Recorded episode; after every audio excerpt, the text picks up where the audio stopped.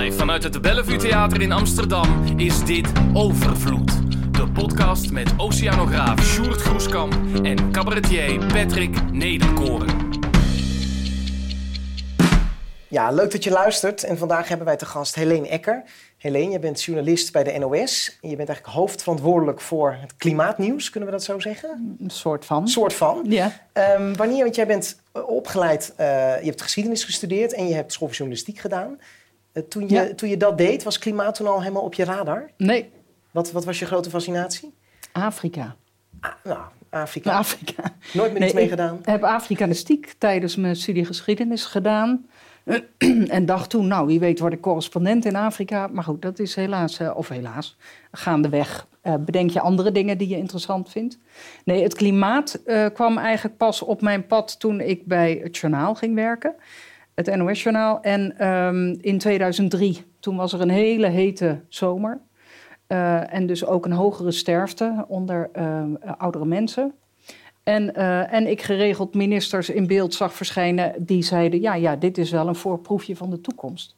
Dus er werd toen al in 2003 gezegd door politici... Ja. dit is wat we vaker kunnen gaan verwachten. Ja.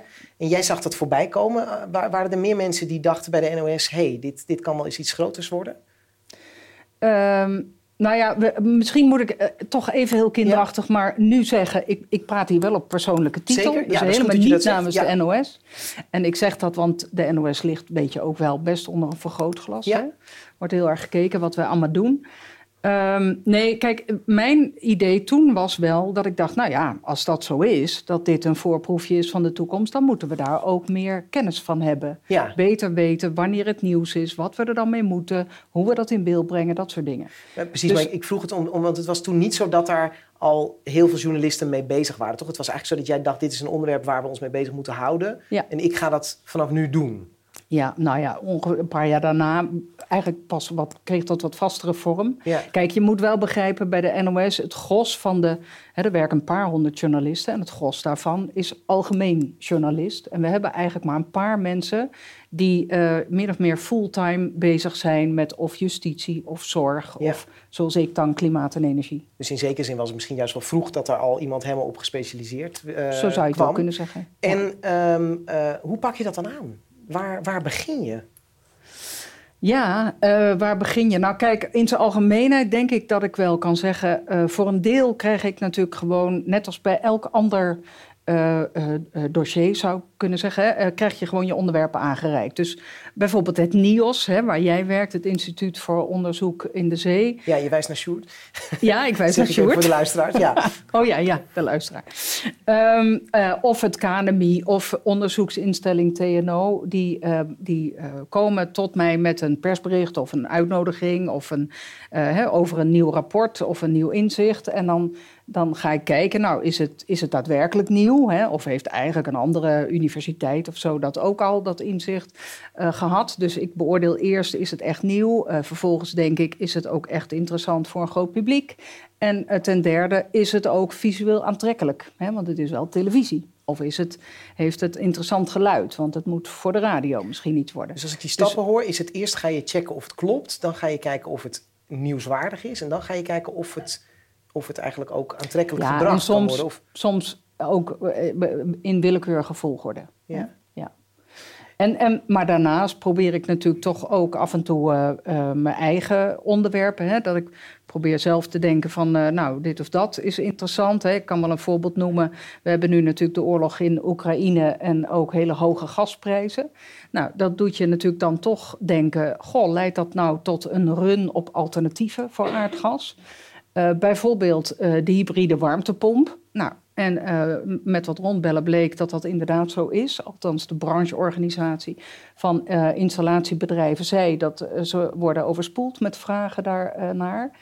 Uh, dus dat leek me een, interessant item. En vervolgens merkte ik tijdens mijn research dat uh, uh, de organisatie Milieu Centraal, dat is een voorlichtingsorganisatie voor consumenten, die zei: Nou, we hebben net toevallig een onderzoek daarna afgerond. En daaruit blijkt dat 50% van de Nederlanders weet helemaal niet wat een hybride warmtepomp is. En 70% weet niet dat je er subsidie voor kunt krijgen. Nou, dus dat heb ik toen gecombineerd in een item, omdat ik dacht: dat is wel belangrijk. Want dat geeft dus aan dat uh, alleen de, de goed geïnformeerden en ook de hoger opgeleiden weten dat dat bestaat, dat je er subsidie voor kan krijgen. Terwijl als het gaat om die hoge gasprijs, zijn het natuurlijk vooral de slechte huizen en de laagst betaalden die daar uh, nu meer last van hebben. Dus. Dan heb ik wel een vraagje, want dat betekent dus dat, uh, dat je eigenlijk best wel veel invloed hebt op wat wij lezen. Um, je hebt best wel veel invloed om de keuze te maken wat je wel en niet uh, op de NOS-pagina zet. Voor een deel is dat zo, maar ik doe het natuurlijk ook weer niet alleen. Het is echt niet zo dat alles wat ik bedenk, dat dat dan ook meteen een uitzending in gaat. Daar hebben we natuurlijk dan ook alweer gesprekken over en discussies over. Uh, en een eindredacteur die daarover nadenkt. En het moet natuurlijk altijd concurreren met heel veel ander nieuws uit de hele wereld. Ja, ja, ik, ja. Ik, ik, las bijvoorbeeld in dit is al wel een tijdje terug hoor, maar in 2015 uh, had je een interview met bijvoorbeeld een klimaatskepticus. Mm -hmm. uh, ik ga zijn naam niet noemen, dan krijgt hij veel te veel aandacht. um, maar dat stond wel op de NOS, terwijl ook in 2015 bijvoorbeeld uh, wisten wij al heel zeker dat het door de mens komt en dat soort dingen. En dan vraag ik me bijvoorbeeld heel erg af van, van wat is jouw afweging dan om, om zo iemand dan toch mm -hmm. dat podium te geven, terwijl eigenlijk eigenlijk is dat geen discussie meer en dat lijkt het nu wel te zijn. Maar uh, ik, uh, waarschijnlijk als je dan uh, terug hebt gekeken naar wat ik zo al gedaan heb, dan is dat letterlijk één keer geweest. In, volgens mij was dat in aanloop naar het klimaatakkoord van Parijs, waar wij als NOS heel erg veel aandacht aan hebben geschonken. Um, en het, nou ja, kijk, het is natuurlijk wel zo. We krijgen ook van de andere kant natuurlijk heel veel, nog veel, hè, veel kritiek. Waarom laten jullie alleen de mainstream uh, wetenschap aan het woord? Waarom heb je nooit aandacht voor dat er toch ook nog heel veel mensen zijn die er heel anders over denken? Dus het biedt soms ook de mogelijkheid, als je dan zo iemand aan het woord laat, want daar hebben we natuurlijk ook alweer iemand op laten reageren, om dan ook die argumenten te kunnen weerleggen of ontkrachten. En niet door ons, maar door de wetenschap. Maar dan, als je zegt uh, heel veel mensen die, die daar nog over twijfelen, mm -hmm. bedoel je niet wetenschappers daarmee. Dus je wil, ja. het, je wil het publiek wat twijfelt, wil je, wil je eigenlijk uh, een artikel geven waarin zij meer aansluiting vinden, bijvoorbeeld. Kan ik nou, dat zo goed interpreteren? Ik, maar ik moet heel erg terugdenken hoor, aan hoe, uh, hoe dat ook weer tot stand kwam. Maar wat ik me ervan herinner is, het werd inderdaad alleen een online iets. Hè. Het was geen tv, geen radio, alleen een online artikel. En daar hebben we inderdaad een klimaatskepticus aan het woord gelaten, maar heel nadrukkelijk met een kader erbij, hoe je dat dan moest interpreteren en dat het, dat, dat een, een hele kleine minderheid betreft en niet de reguliere wetenschap. Dus in hetzelfde artikel, hè, de dingen die uh, die man te berde bracht, zijn ook meteen ontkracht. En dat is dan denk ik wel weer nou ja, kan voorzien in een behoefte. Helene, hoe moet ik me dat voorstellen? Jij maakt een, een artikel mm -hmm. uh, uh, of, of een item of wat dan ook. Dat gaat de wereld in. En je zei al, we liggen onder een vergrootglas. Dan krijg je dus mails. Of hoe krijg je te horen als mensen het er niet mee eens zijn? Mails. Mails. En, ja. dat, en dat, wat, moet ik me, wat moet ik me erbij voorstellen? Ik bedoel, is, het, is, dat, is dat heel persoonlijk? Of er zijn mensen die jou willen overtuigen? Of wat, wat, wat krijg je allemaal binnen? Van alles. Van alles. En van, dus van, van mensen die zeggen de NOS zou meer aandacht moeten besteden en mensen die zeggen dat het zou minder of, of het klopt niet. Ja. Wat doet dat met je journalistieke afweging? Dus hè, wat Sjoerd ook eigenlijk zegt van de wetenschap is er eigenlijk wel uit. Mhm. Mm -hmm. Maar ondertussen weet jij, het publiek waar we naar kijken, wat naar ons kijkt en wat ons volgt, dat heeft blijkbaar uh, gemixt, uh, uh, verschillende meningen. Ik weet niet of dat hoeveel, wat het percentage daarvan is. Maar hoe, hoe, moet je daar als journalist rekening mee houden? Nou, kijk, ik denk wel dat het, dat het belangrijk is om te beseffen dat uit. Kijk, ik, wat ik natuurlijk wel in de gaten hou, zijn ook ja, in de loop der jaren de opiniepeilingen en zo, hè, die daar uh, naar gedaan worden. En daaruit blijkt wel dat de overgrote meerderheid van het publiek uh, het klimaatprobleem wel heel erg serieus neemt. Wat heb je in die zin veel zien veranderen sinds 2003? Ja, tuurlijk. Tuurlijk is er heel veel veranderd. Uh, de wetenschap is heel erg veranderd. Hè? Veel, veel beter inzicht in alle processen. die een rol spelen in dat hele klimaatsysteem. Er is ook veel meer kennis natuurlijk over de aanpak van, van het probleem, hè, dus de oplossingen. Um, uh, en, en, en natuurlijk is het publiek ook veel meer um, uh, zelf ook uh, ermee aan de gang. Hè, wat jij daar straks ook vertelde, hè, de zonnepanelen. nou, ik weet nou niet meer of je zei een elektrische auto. Nee, Nee, zeker niet. Zeker niet. nee. nou, toevallig Rijker zelf wel, eh, sinds kort hoor. In één. Dat zijn natuurlijk wel dingen. eh, ik bedoel, ik was erbij toen het eh, klimaatakkoord van Parijs werd gesloten in 2015. En ik weet nog dat ik toen voor het eerst in een elektrische auto zat, een elektrische taxi. En dat ik dacht, wow, vond ik echt heel, heel bijzonder. Ja, en dan, dan denk ik wel, nou, we zijn nu zes, zeven jaar verder. Ja. En wij hebben er gewoon één met private lease. eh, ei- eigenlijk heel goed betaalbaar daardoor eh, voor de deur staan. En, en ehm Sjoerd vertelde in de voorstelling ook dat hij ook sombere gevoelens kan hebben. Herken jij dat? dat? Dat hoe meer je erin verdiepte, hoe meer het nieuws ook binnenkwam? Ehm, ja, zeker. Helemaal in het begin. Eh, toen had ik ook nog hele kleine kinderen. En, en dat was bij mij wel eh, het moment dat het eh, ja, heel, heel anders ging leven. Eh, op het moment dat je, dat je kinderen krijgt, of in ieder geval bij mij was dat zo, dat het perspectief van tijd zo verandert. Hè? Dat je normaal gesproken denkt, 2100, hè, jullie eh, radioberichten, nou ja, wij zijn er allemaal niet meer.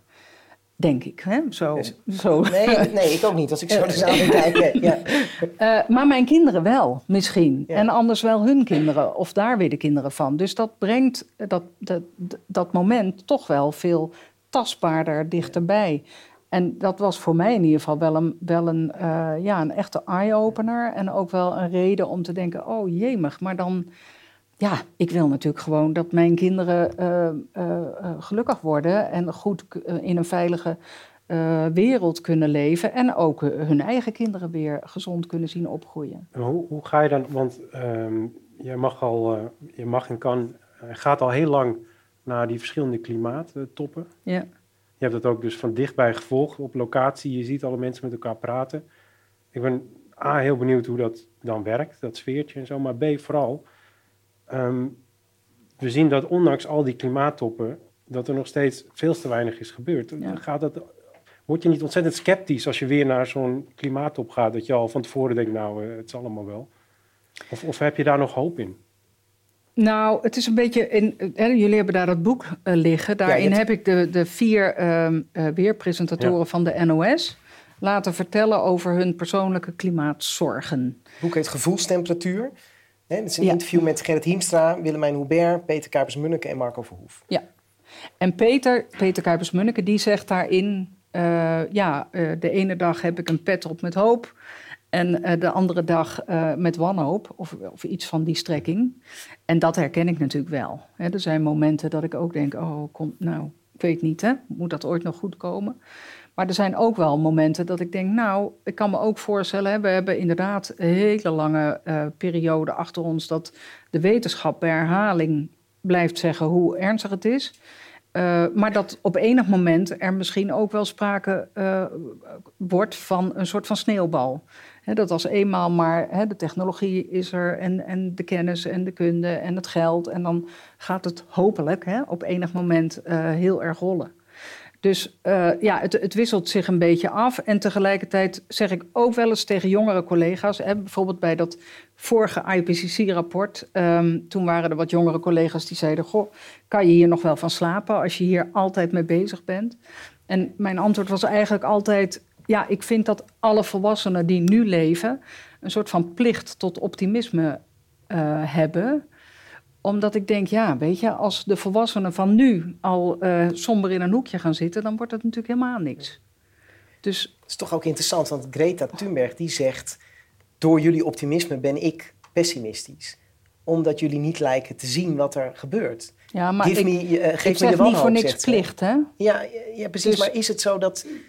ehm, zij zegt dus letterlijk van... ik zou willen dat jullie eh, veel minder optimistisch zijn... zodat ik het idee heb dat jullie, volwassenen, er iets aan doen. Ja, maar ik vind dus ook dat volwassenen er iets aan moeten doen. Ja. Alleen ik denk, maar ja, je vraagt naar mijn ja, persoonlijke eh, gevoel. Ik denk, ja, de wereld wordt er echt niet beter van als, als ik me heel erg somber ga voelen. Nee. Als het zo was, zou ik het misschien wel doen.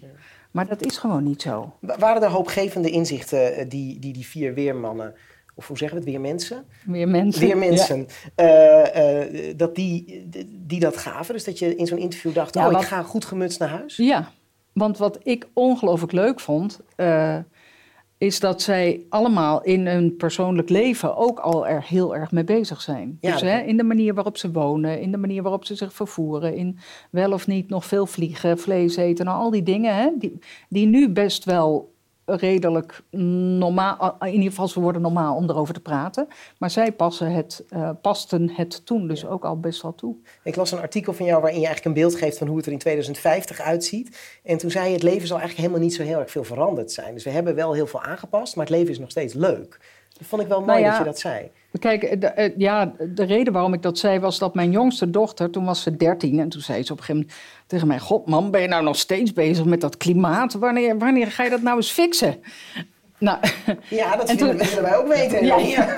net, alsof ik, net alsof ik dat doe. Ik doe er alleen maar verslag van, hè? Of bedenk waar we, waar we verslag van gaan doen. Eh, maar dat was wel het moment dat ik dacht: oké, zij, is, eh, zij was toen 13, zij zal in 2050 eh, ongeveer zo oud zijn als ik nu.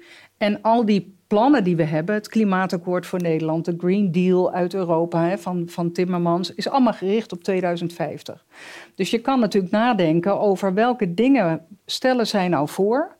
Eh, die als, als het lukt om dat allemaal uit te voeren, waar mijn dochter dan straks mee leeft. En toen dacht ik, nou oké, dan, dan rijdt ze dus in een, hè, dan rijdt iedereen elektrisch. eh, eh, en zij dus ook. Dan heeft ze een huis met dikkere muren, want beter geïsoleerd. Ze is dan gestopt met aardgas.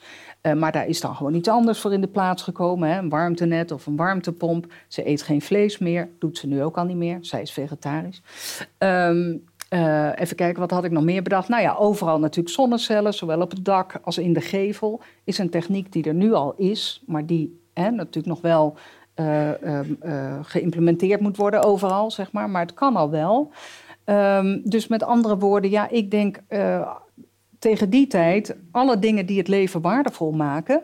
Hè, dat je misschien eh, verliefd wordt, gaat trouwen, eh, misschien wel kinderen krijgt, een leuke baan. Dat, is een, dat blijft natuurlijk eigenlijk allemaal. En, en jouw geliefde Afrika? Ja, daar heb je me wel. Dat is natuurlijk een punt. Ja. Dat is natuurlijk echt, echt een punt. Want we zijn Want- het voor onszelf goed aan het regelen, Ja. maar ondertussen. Ja, nou ja, dat is natuurlijk ook wel. Hè, jij had het net over die klimaatconferenties.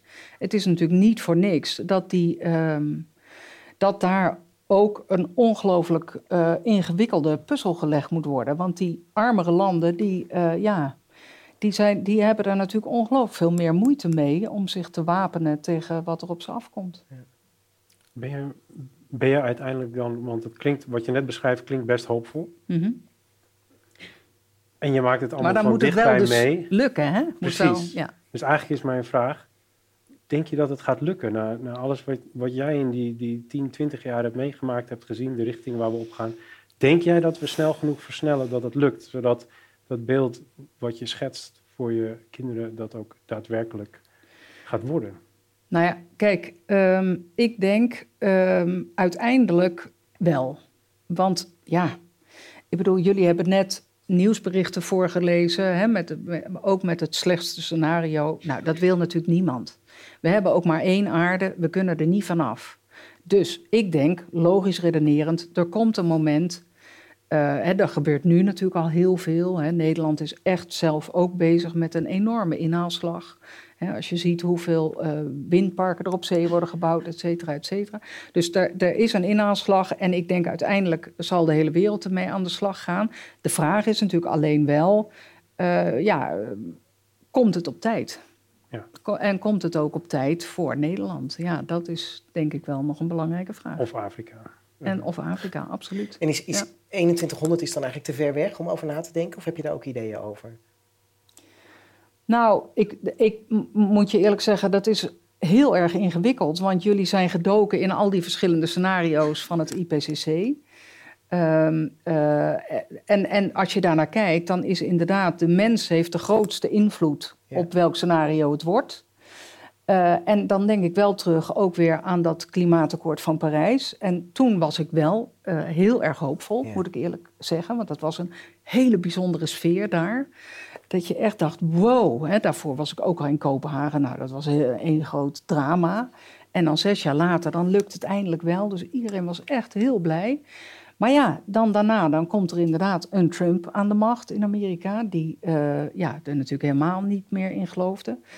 Um, uh, en toen, uh, nou, op een gegeven moment Trump, in de tussentijd, Trump exit, in de tussentijd corona.